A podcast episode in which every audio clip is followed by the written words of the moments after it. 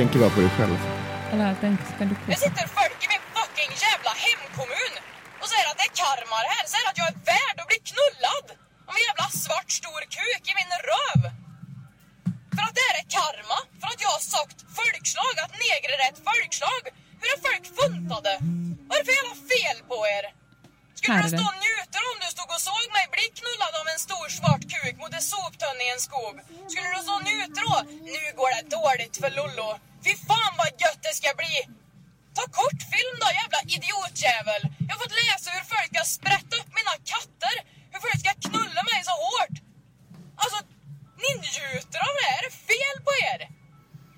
Jag, tänk, alltså, jag, jag är skitledsen för att jag gjorde det där klippet, för jag menar ingenting rasistiskt. Jag är inte rasist, det finns ingenting rasistiskt i mig överhuvudtaget. Men jag tar inte den jävla, jävla skiten mer, fy fan! Alltså mänskligheten skrämmer mig något så fruktansvärt. Alltså jag skiter i om hela min jävla karriär går åt helvete för det här. Jag total skiter i om allt går åt helvete idag för det här jävla klippet som jag gör nu. Men det jag fick läsa igår, det är helt jävla sjukt. Jag ska inte gå runt i mitt eget jävla hem och vara rädd för att jag har sagt någonting som jag inte fattar själv, att negrer är ett folkslag. Att jag har sagt det som inte jag fattar. Jag trodde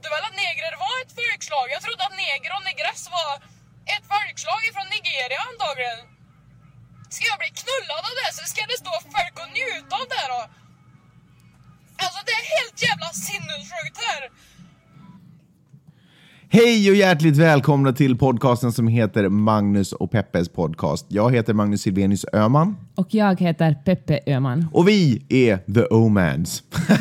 vi sitter här i Santa Monica och berättar lite om saker som händer runt omkring oss i samhället. Vi pratar om feminism, journalistik, eh, samhället som jag sa, mycket rasism har det varit på sista tiden. Eh, kanske för eh, sign of the times. För att folk är rasistiska. För vindarna som sveper, eh, framförallt i Europa tycker jag. Här har det ju alltid funnits. Men äh, det kanske... Ah, skitsamma, ni vet vad jag menar. Ehm, mm, mm, mm, mm, mm. Ska vi ta det klippet jag Ja, precis. Vi, det ni hörde här nyss, det var den här lilla tjejen som heter Louise Andersson Bodin som eh, Eller en ung kvinna skulle man kunna kalla henne. man skulle kunna kalla henne Hon är liksom inte fem. Okej. Men vad då kan man inte vara en tjej fast man är... po- Ponera att hon är kanske 20 år. Är man, kan man inte vara en tjej då? Alltså på gränsen. Jag tycker att när man är vuxen... Kan man inte vara en grabb om man är 20? Eller kille? På gränsen, men det känns sådär... Um, Alltså om man är journal- härskarteknik att vara sådär. Det var nu en liten tjej som Nej, pep men- någonting. Oj, vilka växlar du drog på det. Journalistiskt förstår jag när man Ord beskriver... är viktiga. I, I vad heter det, det är sant i och för sig, men i journalistiska texter brukar det inte beskrivas som till exempel en ung man eller en ung kvinna. Ja, Ja. så kan vi tala om Nej, en men- ung kvinna. Ska vi prata om en ung kvinna? Måste vi prata så? Ja. Pratar man så, vanliga Inte människor? lilla, den här lilla tjejen. Jag sa en, en ung tjej, så jag, Du tror sa jag. en liten tjej. En den här lilla tjejen, ja men skitsamma. Den här bruden som, eh, som eh, är, jag tror att hon är personlig tränare, hon hade kallats in i eh, TV4s eh, soff, morgonsoffa för att lära dem att eh, träna, antar jag. Och sen har det spreds det som löpeld att hon är ett, hon är väl en, kanske har någon träningsblogg. Hon är en, jag tror att hon är en ganska känd Youtube-profil Mm. i Sverige. Och så spreds det som en löpeld att hon hade sagt ordet neger. Eh, i, att det var okej, att hon skulle fasken nog kalla, säga neger för att hon ville det. och så. Att det är rasistiskt att förbjuda folk att säga neger. Just det, och så blev det eh, naturligtvis jättemycket tjo och tjim och det resulterade i att Adam Tensta här... Eller kanske, förlåt nu, men äh, kanske Men motsatsen herregud. till tjo och chim. Ja, men vad är det med dig? Eh, Jag vill så, bara att det ska bli korrekt, Magnus. och så resulterade det i att Adam Tensta en morgon eh, satte sig i soffan och han var liksom där för att eh, promota sin singel, eller det, det, var det var anledningen till att han hade blivit inbjuden. Eller sin skiva, vad fan det är. Och, men han tog till, istället tillfället i akt att hålla ett litet tal där han sa vad han tyckte och tänkte om TV4 och att de hade dragit in personer som, att de bjuder in personer till TV4 som uttrycker sig rasistiskt och, och så. Och hur går det hand i hand med, med TV4s profil om att vara väldigt antirasistisk? De har väl någon slags nolltolerans mot rasism som vilket alla borde med. ha. Vilket alla borde ha faktiskt. Eh, de här programledarna i soffan hade, fick inte säga Ni har ju alla sett klippet, de fick ingen chans att säga någonting utan när Adam Tensta hade sagt det han ville så reste han sig upp Eh, svepte glaset med vatten han hade blivit i, som han hade fått och sen så marscherade han ut. Fast jag måste säga att han var ganska respektfull. Han sa att det här, jag vet att, att jag sätter er i en svår sits nu, programledarna. Det här är, inte, det här är en hälsning till eh, TV4s ledning. Jag vet inte riktigt om det är definitionen på respektfullt. Det är ungefär så här, ursäkta det här kommer jag lite ont nu, men jag kommer våldta dig. Jag hoppas att det är okej.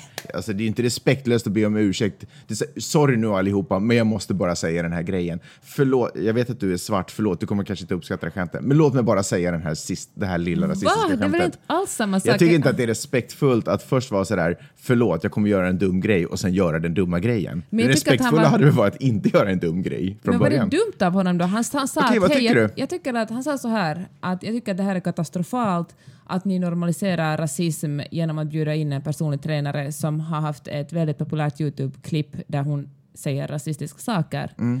Och det här skorrar väldigt illa med er nolltolerans mot rasism. Det är det här jag vill säga, ajöken. Mm. Ajöken fröken.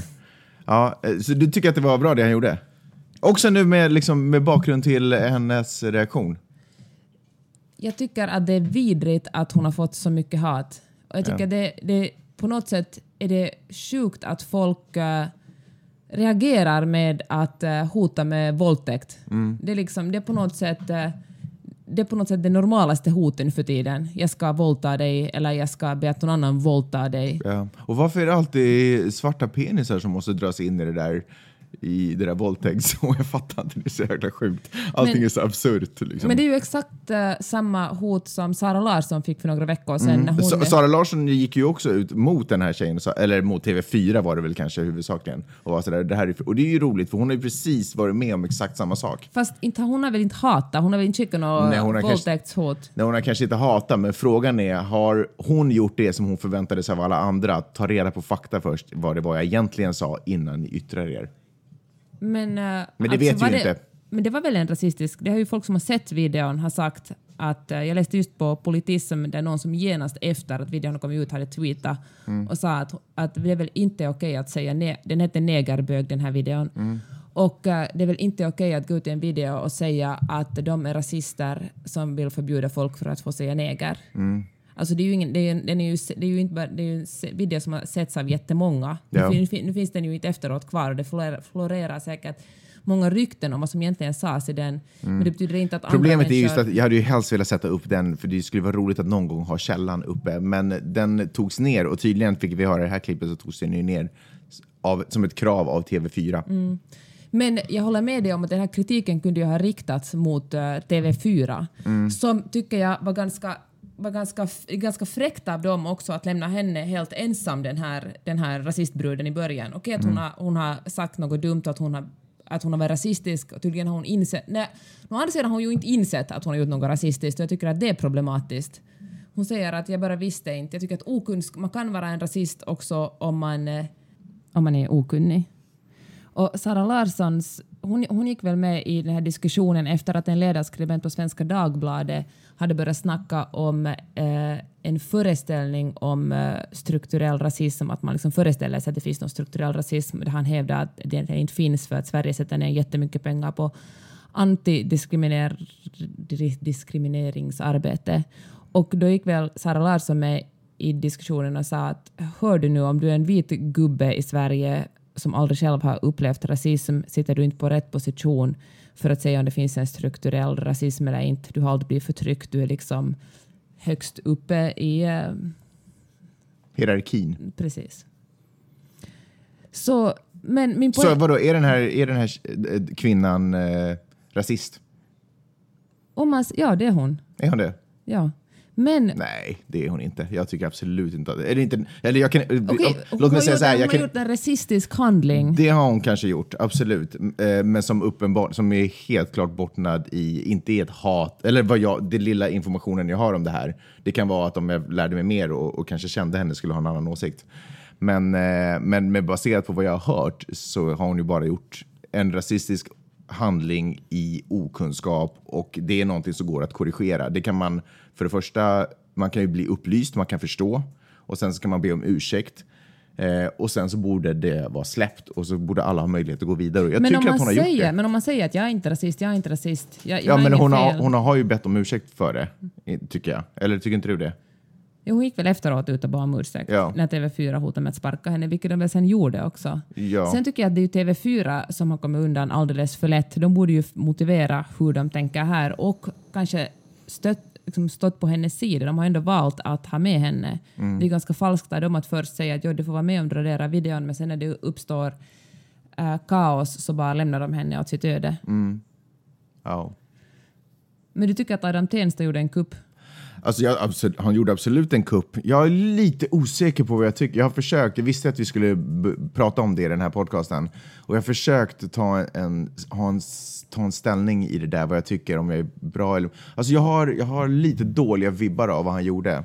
Jag, jag Är det tycker... för att du själv har jobbat på morgonradio Nej, och vet det är att det är så pinsamt att sitta i Nej, sändning? eh, nej, absolut inte. Det är inte vad han gjorde för programledarna. Jag hoppas att programledarna är proffiga, proffsiga nog. att- Proffsiga. Proffiga, tvärtom. Jag jag kan tänka mig att alla i kontrollrummet bara boom! Bra sändning, bra tv händer Mm. just nu.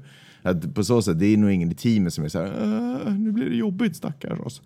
Eh, men däremot, men nej, utan bara rent han, hur han gjorde det och hur det lät och hur det, hur det kändes när han gjorde det. Jag tyckte inte att det var liksom...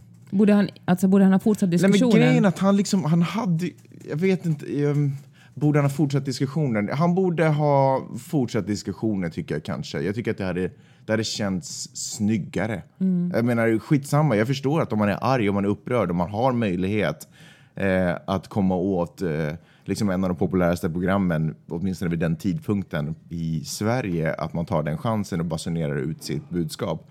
Jag menar, jag måste... Jag får luta mig tillbaka på den här podcasten om, jag, om jag vill ha någonting riktigt vettigt sagt.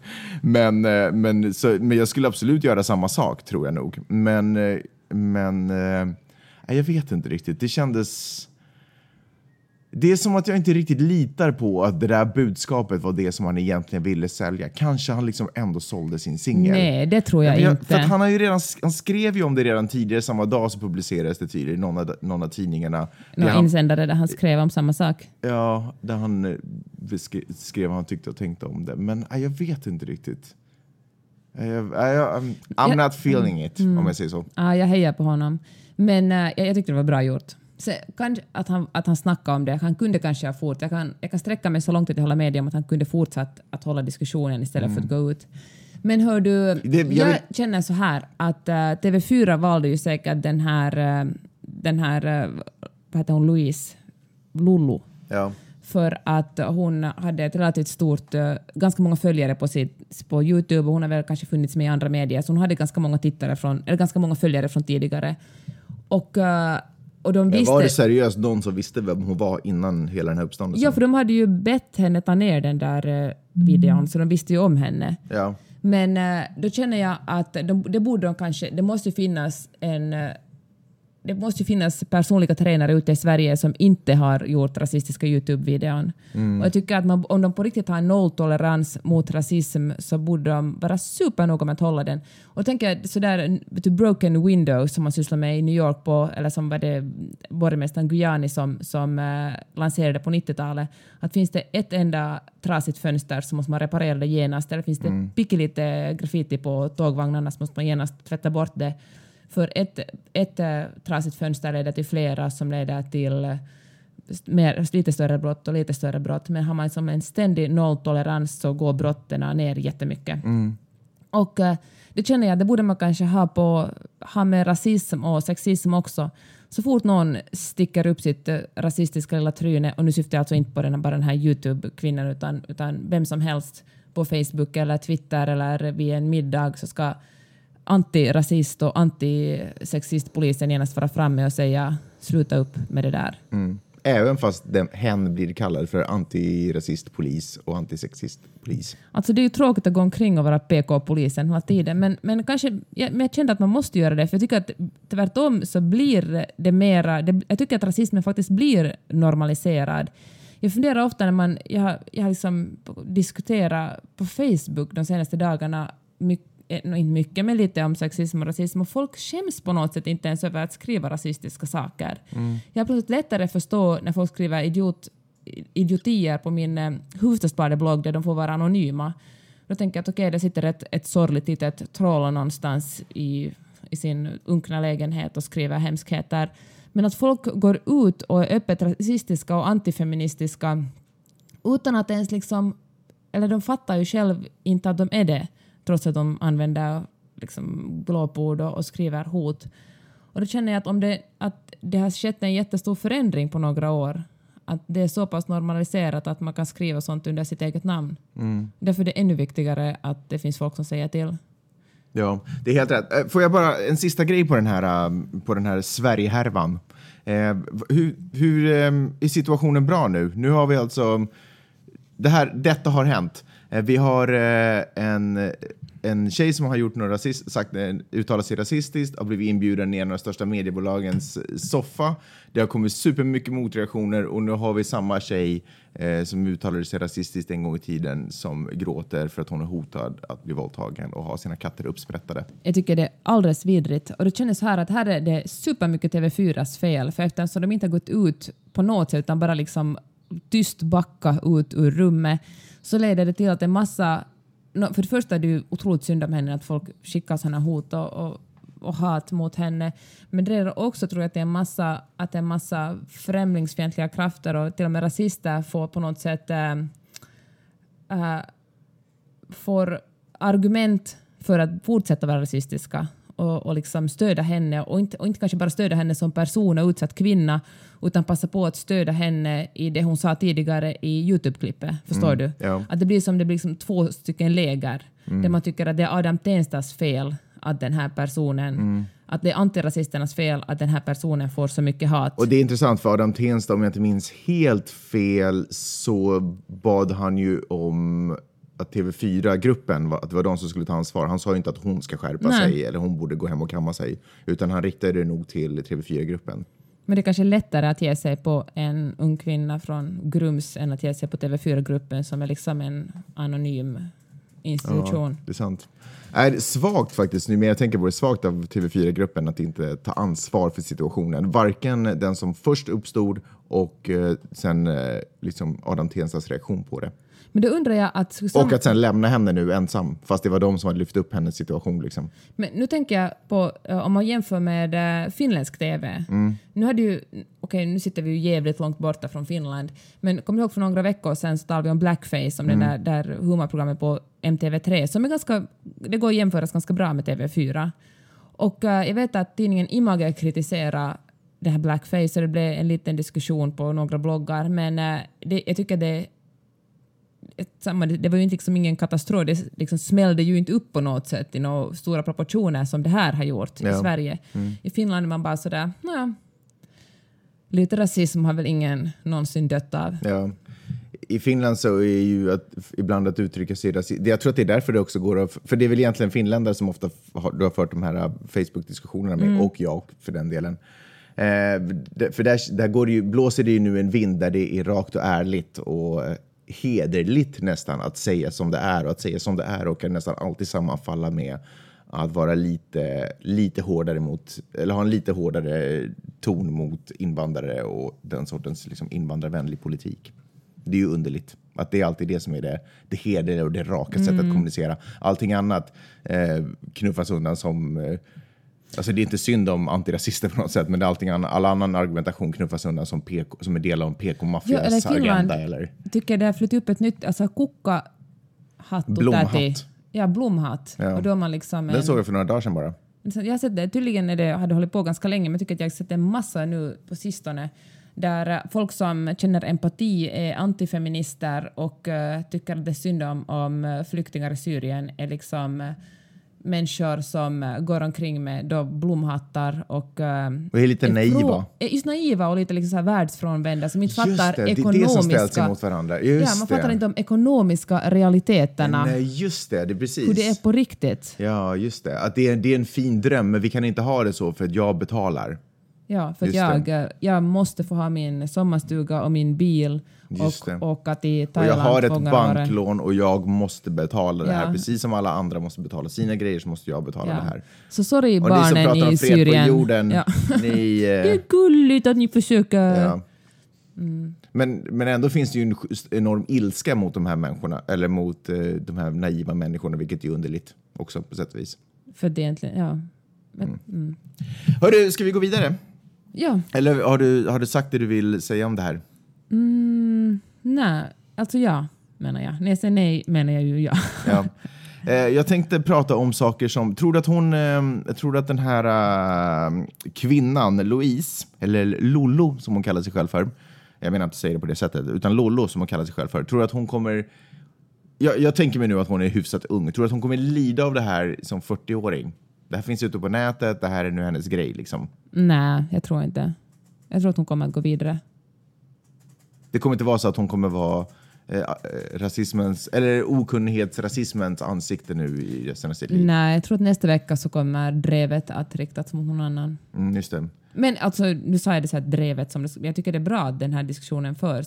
Sen tycker jag att det, att eh, det är synd att det blir så på något sätt så... Vad är det? det är faktiskt sant, drevet. För det var ju inte, för inte så länge sedan så var ju ehm, den här sångerskan, vad hon Sara? Larsson. Ja, precis. Sara som drevet var. Vad är grejen med det här drevet som jagar? Folk gillar väl att höra till en grupp. Det är så Ja. skönt att, att eh, få peka finger åt andra som man tycker att har gjort fel. Det känns som en sån här svärm gräshoppor som bara, okej nu har vi ätit upp allting på det här området, bara, nu drar vi vidare till nästa. Och, alla, och i drevet så poppar det alltid upp en artist som för drevets talan. Fast nu tycker jag faktiskt att i det här fallet finns det två stycken sidor. Men det är som, fortfarande ett drev, eller hur? Det kan Det man väl drev. tycka? Ja.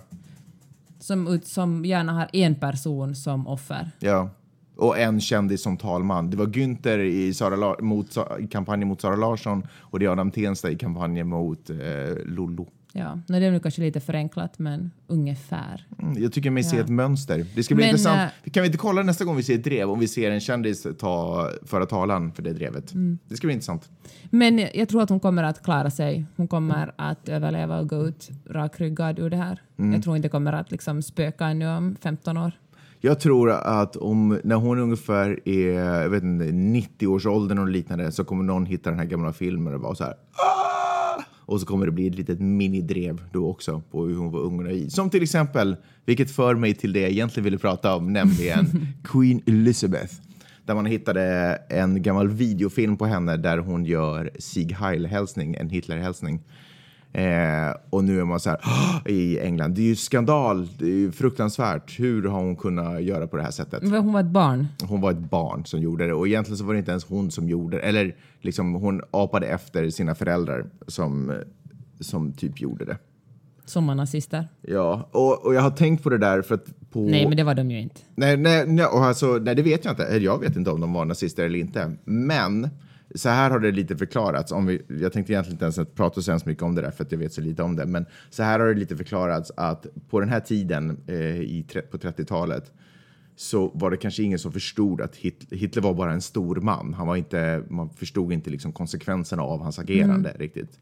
Så på den, där, den tiden så var det lite vem man skulle sätta sina lottopengar på ungefär. Och vissa satte det på honom och gjorde nazisthälsningar utan att egentligen veta konsekvenserna av det.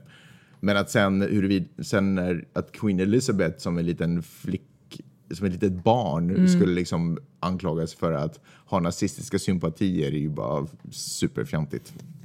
Men det här, jag visste, du tänker säkert kan, kanske ta upp eller dra kopplingar till det här, för det var ju en av våra, en bekant till oss som sa att han eh, hade hört ett par barn leka eh, Vem är rädd för svarte man ute på gården. Just det.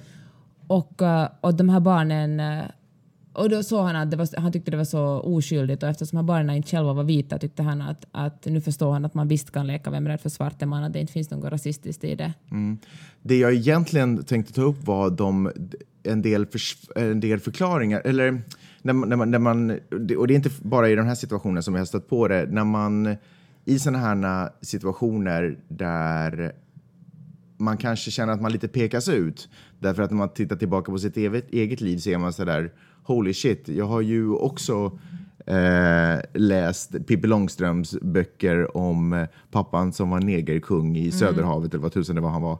Och, eller, eller haft jätteroligt när jag har läst Tintin-böckerna när han är i Kongo. Och, jag tänkte ju inte på att det var ehm, att det var grava, liksom grova nidbilder av svarta människor och, eller att negerkung kanske inte är en lämplig titel överhuvudtaget.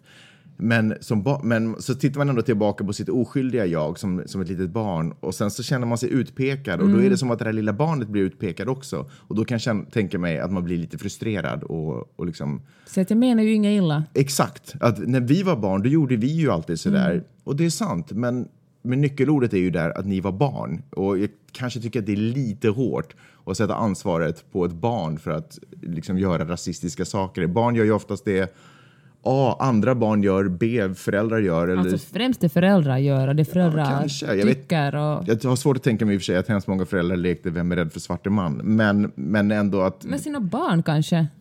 Anyways, att barnen har ju inte liksom... Jag tror faktiskt inte att det finns rasistiska barn. Liksom. Så att, men jag tror att man kan vara ett oskyldigt, orasistiskt barn och sen ändå växa upp till att bli rasist eller att, eller att göra rasistiska saker.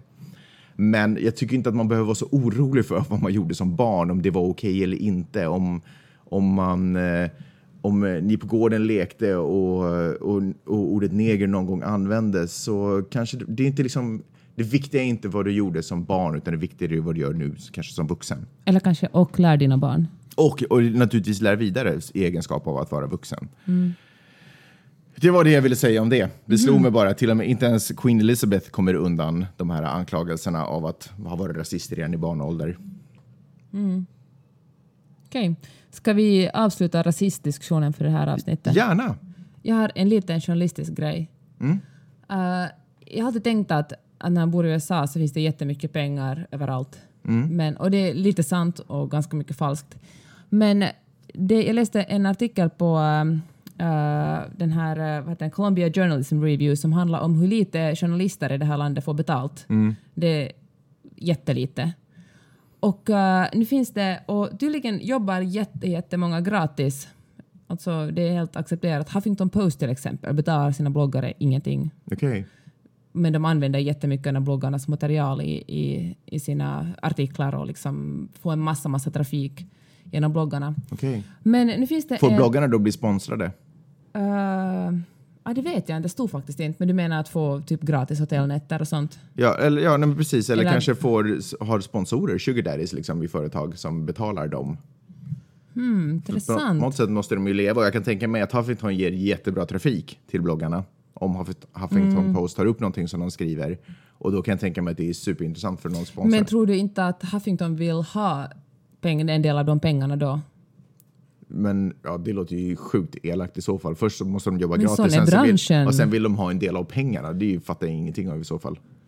Välkommen till Amerika. Men jag bara menar att, nej okej, men du vet inte om de får Nej, jag vet inte. Nej, okej. Jag måste kolla upp det här. Jobbigt när du ställer följdfrågor som jag inte har svar på. jag Mm, men kanske kan dig. göra lite research innan vi gör den här podcasten. Mm. Nå, i alla fall. Men då finns det alltså en, en eh, ny idé bland en, en, eh, en webbtidning som heter Slant. Där skribenterna får... Du lät väldigt självsäker när du sa sla- slant. För att först tänkte jag det stod slate, men det gjorde jag inte. Men I alla fall, men då får skribenterna 100 dollar i eh, månaden. Mm. I, och så får de för varje, för varje 500 klick får de 5 dollar. Okej. Varje 500 klick får de 5 dollar. Det är inte mycket. Nej, men det här ska tydligen vara en ganska bra deal. Är det sant? Ja. Får man Men hur många klick har de då? Finns det något sånt? No, den har ganska, det står inte just nu. Men, eh, men eh, det är ganska... Det är inte, ja. Och det, men det uppfattas som en ganska bra deal. Man har, det är såklart att det är en större marknad i Ja. USA än att skriva liksom i Finland eller Sverige. Men eh, Men de kanske får en 300-500 000 klicks. ja, kanske. Eller kanske till och med en miljon klicks. Liksom. Kanske. Alltså i Finland och Sverige hade det ju varit en omöjlig deal. Mm. Liksom. Ja. Så vad är din Men, slutsats? Vad, fan, nej, vad snackar nej, du om? Nej, jag, menar bara att jag var liksom överraskad över att man får så dåligt betalt och det är svårt att jobba gratis här. Mm. Och så tänker jag också att på vilket sätt påverkar det här journalistiken? Det är ju såklart intressant att, att nå ut till en massa människor men om man bara motiveras av att eh, få, om man bara får betalt på basen av klick för det första blir man ju ganska noga med hur en rubrik man skriver på en sån Mm. text. Men eh, då skriver man kanske mindre om skattepolitik och kanske mer om kändisar. Men kanske där, i, där i ligger utmaningen för den nya generationens journalister att, eh, att göra vettig journalistik men få den att låta sleazy. Mm. Att dölja den bakom ett täcke av sleaze. Och sen i smyg mata in riktig information. Exakt, precis.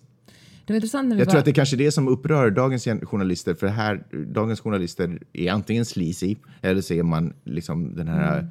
djupt eh, grävande och den noggranna journalisten. Och att slå ihop de här, de här har varit liksom, det har varit förbjudet att göra båda på något sätt. Att man, för att vara seriös måste man, tråkig måste vara, seriös måste vara lite tråkig. Ja, precis. Lite stel och lite knäppt skjorta. Och sleazy Mm. ska vara en cool frisyr och på rätta ställena. Men kanske. Kanske. framtiden är kombinationen, liksom, att kunna bli allt. Är det inte det allting handlar om? Att man som journalist ska, ska göra mer och mer. Helt plötsligt springer du runt och tar bilder till, till artiklar. Jag träffade Och Caitlin det- Moran på en, eh, på en, sån, på en, en, liten, eh, en liten bokaffär Det är ett skämt, för du vet inte ens hur man fokuserar med kameran. Alltså, det är så jävla roligt. Det är så hemskt. Förlåt, får jag inte säga det där? Det var jätte, visst kan jag ta bilder. Jag skulle just berätta en Ja. historia om hur jag tog en dålig bild, men då hann du, mycket, då hann du före mig Okej, för att gapskratta. Nej, nej. Vad säger du? Nej, det var ingenting. Du tog eh. Jag tog en jättedålig bild på, på, som, jag, som jag verkligen skämdes supermycket för Ja. på Caitlin Moran, alltså den här bokaffären. Och fan, Husis Sprint publicerade den ändå. Ja. Då kände det, Fast det, var, jag tyckte det var lite, det var, ju, det, hände, det var en händelse i den på något sätt. Tycker du inte det? Ja, Katastrof. Men jag bara, min point var att som, som journalist och kanske överhuvudtaget som arbetare idag så är det ju mer, fler och fler tjänster som trycks in i en och samma tjänst. Men underligt nog så görs det fortfarande väldigt bra journalistik. ja. Jag läste en så, så. otroligt bra text på The New Yorker om... eh, Vadå? Vill du säga någonting? Nej, jag tänkte, eh, ja, berätta först. Om eh, den stora, alltså inte bara den stora jordbävningen utan den jättestora som kommer att äta upp ungefär hela västra USA. Byter vi ämne nu? Ja, eller vill du säga något? Då vill jag säga en sak till Okej. på det här tidigare bara. Att, att, att eh, journalister måste göra mer och mer saker.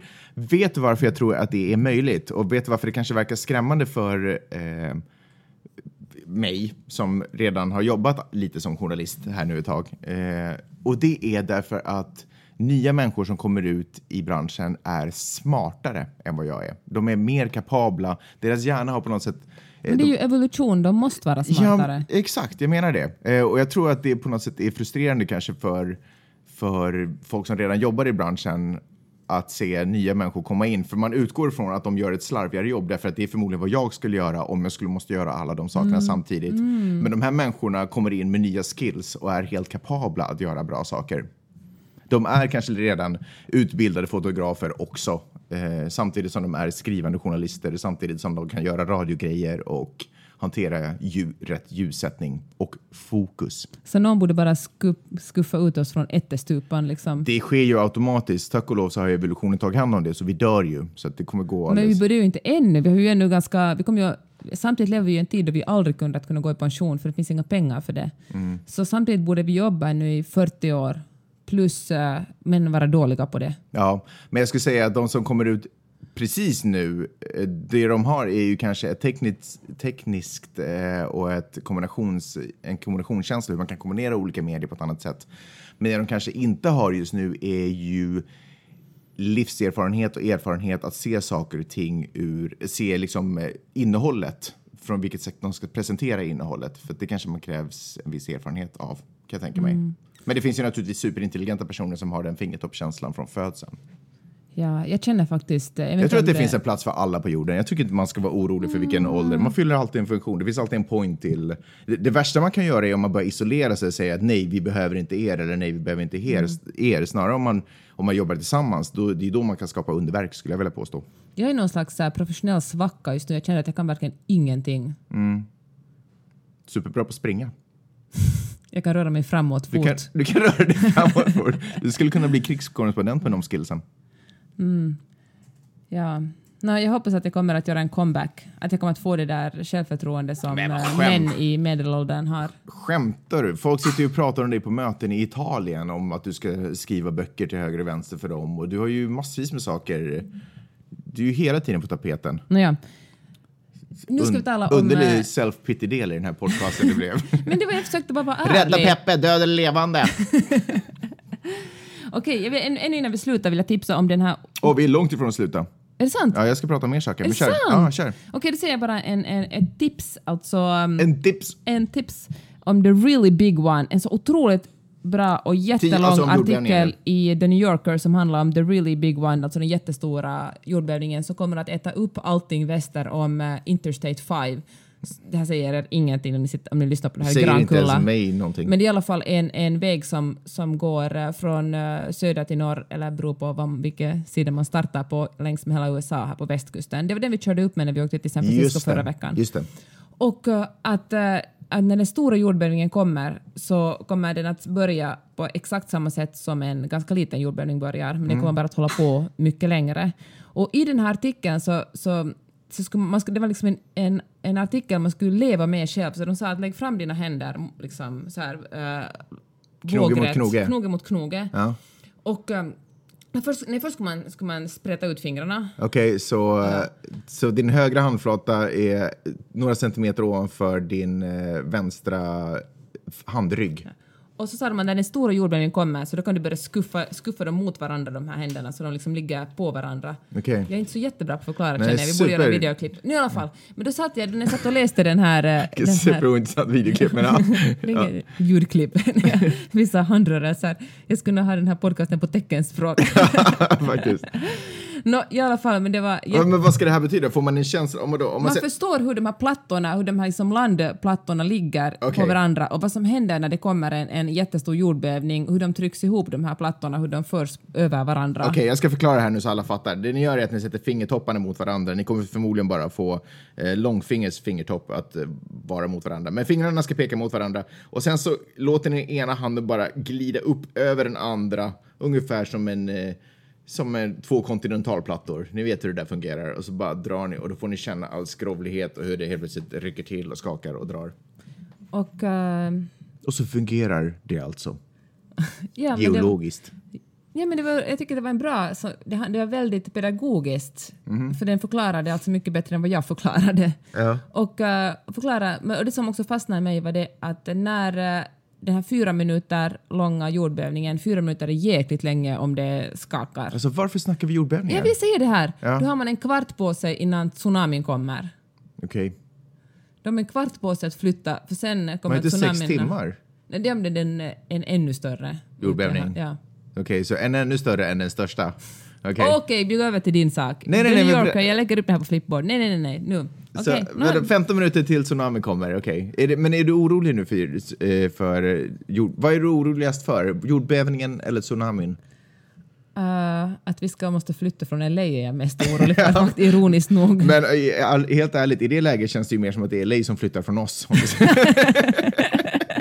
Då blir det ju bara ett nytt LA längre in i landet, antar jag. I Arizona. Är det så här då att den där jordbävningen är den som, sätter, som slänger ner västkusten i vattnet? Är det det? Är Ja. det, så det går till? Den, den bryter loss eh, västkusten ifrån övriga USA? Typ. Okej. Så att allt det här blir ett akvarium? Ja. Okej. Det är ju inte så bra. Och när, när kommer det här ske då, Peppe? Det kommer att ske antagligen inom 50 år. Antagligen inom Vad har du för sannolikhet på det? Eh, att det kommer en, eh, en stor, alltså inte riktigt, riktigt stora, utan en ganska jävligt stor, var det väl? Men hur många olika sorters stora finns det här nu? Alltså, det finns de här vanliga som vi känner av typ med jämna mellanrum. De som finns lite här och Ja, där. och Som, sen finns den här riktigt stora. Är det den som alltså går, det är den som tar eh, den här femmans highway? är den riktigt stora. Och så Ja. finns det en ute i... Som är megalomanisk. Är precis, Just ute i, i Stilla havet. För det är ju där kontinentalplattorna de facto Ja. möts. Just det. Ja. Och, och du, är, är du orolig för det här? Nej, egentligen är jag inte. Jag ville bara, när vi talar om journalistik, ville jag bara tipsa om den här artikeln för den var jättevälskriven. Och också om man inte bor... ja, Det är ju speciellt intressant om man vet att man en dag kommer att bli under en jordbävning. Men jag tycker att den här artikeln var så välskriven och så rolig att också om man bor någon annanstans där det inte riskerar att dö så, så kan man läsa den. Ah, superbra. Okej, då ska ni läsa artikeln. Då ska jag också tala om för er var ni kan hitta den här artikeln. Det är nämligen så att vi har ett Flipboard-konto som är egentligen flipboard.com slash Magnus och Peppes podcast. Och där lägger vi upp eh, artiklar som vi har hittat under veckan. Ibland lägger vi upp artiklar vi inte ens tar upp i podcasten. Egentligen de flesta tar vi inte ens upp i podcasten.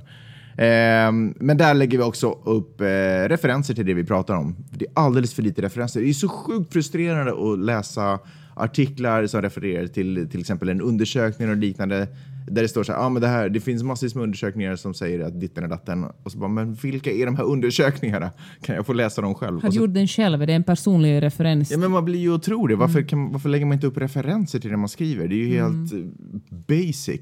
fick vi lära oss i grundskolan för Mm. tusan pöblar. Plus att det är ju superlätt att göra det på internet. Man behöver inte hålla med, på med, med fotnötter och sånt, utan det är bara att sätta en länk. Här Ja. är undersökningen jag talar om. Fotnötter, ja. Okej, nå, din tur då. Du hade ännu ett ämne.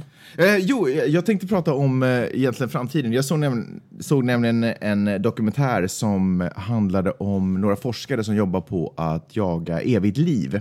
De har identifierat några egenskaper, eller några ämnen antar jag. Alltså, jag är uppenbarligen ingen genforskare eller biolog på något sätt. Men de hade identifierat några saker i cellen som är det som helt enkelt bryter ner den. Men de har också identifierat eh, det ämnet som, eh, som eh, gör att cellen inte bryts Mhm. ner. Och, och tycker, man kan jag tycker att det är Har inte damhudkrämer hittat det här för 30 år sedan redan? Kanske. Eh, men det har, inte, det har inte fått organen att säga att liksom, hållas fräscha. Det har bara fått det, det största organet egentligen att, att hållas fräscht. Eh, och jag bara liksom, eh, som forskning betraktat så tycker jag att det är superintressant. Tänk om man kan få folk att... Eh, tänk om Tänk om Bibeln hade rätt. Och då menar jag något så trivialt som när de pratar om hur gamla alla människor var i början. Där. Man är 800 år när man föder barn. Nej men precis. Och eh, vad han nu hette, Jemushael, eh, blev 948 och hade 7000 fruar och lika många barn ungefär. Det ju- vore ju superfantastiskt om, om, om allt det här egentligen faktiskt var sant. Men sen så har det bara skett en mutation i våra celler som gör att allting bryts ner. Till funkar- Kristdemokraterna, de bara Yeah! Told you so! Told you bitches! Eh, men vilket fall som helst, eh, så, som, forskning, som vetenskap betraktare tycker jag det är superintressant. Eh, som, mänsklig, som ett mänskligt beteende så är det ju liksom, det är så jäkla typiskt. Människan är så, återigen så visar människan hur, hur dum den någonstans är. För det var inte... Kanske, kanske jag in saker och ting som aldrig sades i dokumentären och kanske, kanske det inte var på det här sättet. Men den här känslan av att som, som människa tycka att man är så viktig och att ens uppdrag är så viktigt att man borde leva för evigt. För att, av, för, att liksom, för evigt räcker inte till att avsluta ens uppdrag på något sätt Som individ liksom. som individ känns ju super... Tänk om alla människor skulle få leva för evigt, hur allting bara skulle stagnera. Jag tänkte, det här som vi, som jag nämnde, eller som vi snackade om tidigare här, att eh, nya generationens journalister är mer kapabla att göra saker och ting. Alltså jag, jag är helt säker på att människor föds smartare. Därför att, inte nödvändigtvis kanske för att hjärnan har utvecklats på något speciellt sätt, utan därför att människor föds in i den nya tiden och därför får en helt annan grundläggande förståelse för den tiden de Ja. lever i. Och sen slutar ju folk att vara nyfikna på världen någonstans på vägen. Dessutom. Alltså vara ovilliga att lära sig nytt för att de tycker att eh, om man gjorde så här på 30-talet kan man likväl göra så 2015. Det är exakt det, för det var någonting som hände när jag satt och tittade på den här dokumentären som jag hittade på Netflix som jag tror heter ehm, Eternal Life kanske? Skulle det kunna heta något så bra? Eh, och det var, liksom, det var många saker som föll samman. Och det är det så här uh, argumentet som man ofta hör. När, dels när man pratar rasism, men om man annars bara pratar, du vet, använder ett ord, ordet hen eller någonting annat, så är det hela tiden så är det inte helt osällan att det kommer upp där. Men så här har det alltid varit. Varför kan det inte få vara så nu? Det här fungerade för 40 år sedan. Varför kan det inte få fungera Kvinnor nu? fick inte rösta och det fungerar bra. Ja men precis, och det behöver inte ens vara så där grovt. Men du vet, att, att den här... Det, finns, det verkar ju finnas en ganska djupt rotad vilja att inte saker och ting ska förändras. Samtidigt så det är uppenbarligen en del av naturen att allting alltid förändras konstant. Från sekunden nu till nu så är det en lite annorlunda värld vi lever i. Och att då vill, och då tro att man fylla, skulle fylla en funktion på den här jorden med det där bakåt, den här inbyggda bakåtsträvande käns, eller, mm, inställningen. Liksom, att man skulle ha en Han började snacka så här, ah, jag tänker mig att när jag går omkring på den här jorden några miljoner år fram i, miljon år fram i tiden man bara, herregud om du skulle vara kvar en miljon, om en miljon år. Det är ju helt fruktansvärt. Alltså, jag kan bara se hur eh, gamla tankesätt, eh, nej inte gamla tankesätt nödvändigtvis, men Alltså, människor måste bara bort för att Men- ge plats till nya människor. Tror du inte att man blir sugen Nya på att eh, gå över till den andra sidan? Vilken Alltså, andra sida? Döden. När man, blir, när man är någonstans kring sådär 90-100. Ja, men det kan ju vara för att allting håller på att fallera. Det är ju inte så roligt om man inte ser bra eller hör bra eller kroppen verkar eller du vet. Om man bara är trött. Det känns som att man går på popcorn när man är ute och promenerar. Det är ju förstås inte roligt. Men om man hålls frisk så varför inte? Jag menar, vem vill inte vara 20 för evigt? Men är det för sent för oss som har passerat 20 för jättelänge sedan? Alltså stannar vi nu om vi, äter, om vi liksom, om, om, det upptäcks imorgon? Ja, det, alltså, och det här, den här, det var lite olika teorier på hur det här Och då är. måste ju vi sluta få barn. Alltså, vi kan ju inte, alla kan ju inte leva för evigt och fortsätta leverera barn. Ja. Nå, de, de här forskarna, som forskare ska man ju inte ta Kan du ansvar. säga det åt dem? Jag tycker det är fräckt att som forskare måste fundera på all problematik runt någonting. Jag tycker att man gott och väl kan få fokusera på sin lilla grej. och sen får någon annan ta itu med problemen. Ja, I en av de här forskarnas eh, Vi använder olja som bränsle. teorier om hur det här eh, eviga livet skulle ske så fanns det väl en viss föryngringsprocess i det också. Men i någon annans så var det bara ett bibehållande av status quo. Önskar du att du var yngre? Nej, nej, det gör jag faktiskt inte. Eller alltså, på, alltså jag skulle inte vilja gå tillbaka i tiden om jag säger så. Men det är klart att det är roligt att vara frisk och stark. Inte för att jag känner mig sjuk och svag nu, men jag kan tänka mig att den känslan står bakom dörren. du då? Skulle du vilja leva för evigt? Nej, jag, jag, jag, jag vet. Det är lätt. Nej, jag tror faktiskt inte det. Alltså, man vill inte Alltså, dö vill ung, inte men dö. man, man vill inte dö ung, men man vill, jag vet inte, leva för evigt känns så jäkla lång tid. Det enda fördelen jag kan se med att leva för evigt är att Man skulle kunna läsa jäkligt många böcker. Ah, jag. jag tänkte att jag skulle vara så jäkla rik om några hundra år. Jag behöver ju bara samla, du vet, samla på mig en dollar om dagen nu, så förr eller senare är jag su- superrik. Så om en miljon eh, dagar. Men har, du tänkt, har du tänkt på, det finns ju inga fattiga vampyrer. De lever ju för evigt, så de kan ju gott om tid Jag på att tänker samla. faktiskt ofta på det. Gör du det? de, de kan ju lugnt samla på sig en liten slant om dagen och, och så ganska snart så är de superrika. Och så kan de låta sin, jag vet inte, det, det, måste, ju- det måste ju vara supersvårt nu att vara vampyr för att ehm, det är mycket komplicerad process, mer komplicerad process att få ett pass. Och liksom, man, jag vet inte om man ska ge sig själv, göra sig själv till en arvinge, att man liksom på något sätt föds igen. Eller jag vet inte hur. För ska man resa? Alltså bara om man vill resa? nej, men man liksom. måste ju ha en identitet ändå om man ska röra sig på stan som en vanlig typ. Måste man det då? Nej, men hur ska man annars kunna ha pengar? Då måste man gå omkring och bära på en Ja, skattkista du hela menar tiden. att nu när Sverige ska, ta, ska liksom slopa kontanterna fullständigt så Ja. är det superkomplicerat för då måste man ha ett... eh, Men, Bankkonto och massa Fast man kan ju lösa det med att ha människor som officiellt Alltså människor som är under ens våld som, har, som är liksom ansvariga för ens pengar, vars, Mm. och för på vars sant. namn ens pengar finns. Det är så mycket man måste tänka på om man ska vara vampyr. Det, där måste jag säga, nu är det ju lite off topic kan jag känna, men där är det ju lättare att bara vara en zombie. Man, behöver inte, man tänker inte på någonting. Man bara, det är ju liksom, Men vad är livskvaliteten i zombie? Jag menar, s- vampyrer har ju lite klass, zombie bara går omkring och vill äta upp folks hjärnor. ja men vampyr kommer aldrig ta illa vid eller vad säger jag, en zombie kommer aldrig ta illa vid sig av någonting, eller bli sårad eller ledsen eller man är bara, går bara omkring och är lite arg och hungrig hela tiden. Men en vampyr kan bli sårad, det kan bli hämndreaktioner där, du vet man tar åt sig av saker och ting. Varulv då? Ja. Jag vet inte. Okej, vi har uppenbarligen ingenting mer att prata om den här podcasten. Eller har du någonting annat du vill tala om? Nej, förutom att nästa avsnitt kommer vi att sända från Stockholm. Superspännande! Imorgon. En, geografisk förflyttning. Skulle det kännas hemskt om jordbävningen kom medan vi var borta? Att du liksom missade jordbävningen efter att ha varit här nu så länge? Så sa faktiskt en, när jag gjorde en, en, skrev en, en, en, gjorde en intervju med en snubbe som forskar i jordbävningar och han sa att hans värsta mardröm är att inte befinna sig i LA när den kommer. Men jag kan säga att jag inte känner på samma sätt. Nej. Du skulle vara så där, huh. Ja, jag tror det. Det har inte varit någon jordbävning här på länge tycker jag. Ja, jag tycker jag känner med jämna mellanrum hur det skakar lite, un- lite under mina fötter. Men det kanske bara är vid blotta åsynen av dig.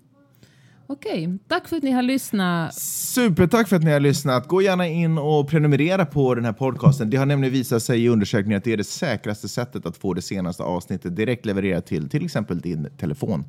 Och om ni är våra kompisar på riktigt går ni in och skriver en eh, liten recension på iTunes. Ja. Om ni känner kärleken, gå absolut in och skriv en recension på iTunes. Gå också gärna in på Flipboard. Alltså, vi får inga pengar för det, men gå in och kolla om ni hittar några artiklar där som vi har tyckt har varit intressanta, om ni också tycker att de är intressanta. Det är faktiskt sant, eftersom vi gör det här alldeles gratis så kan det ju vara en liten betalning i uppskattning bara att logga in på iTunes. Absolut. Ge oss inga pengar. Gå in och ge oss en rec- skriv en snäll recension på oss på iTunes. Det är absolut. Det, skulle kunna, det, det kan ni fan ta och göra. Efter allt, all möda och besvär som vi sätter ner på det här. Nej, ingen press, inga krav. Vi är supertacksamma Så länge ni är här är vi bara glada. Absolut. Jag är jätteglad att ni har lyssnat. Och det var jätteroligt att göra den här podcasten med dig den här veckan också, Peppe. Detsamma, Magnus. Vi hörs nästa vecka. Hej då! Hej, hej!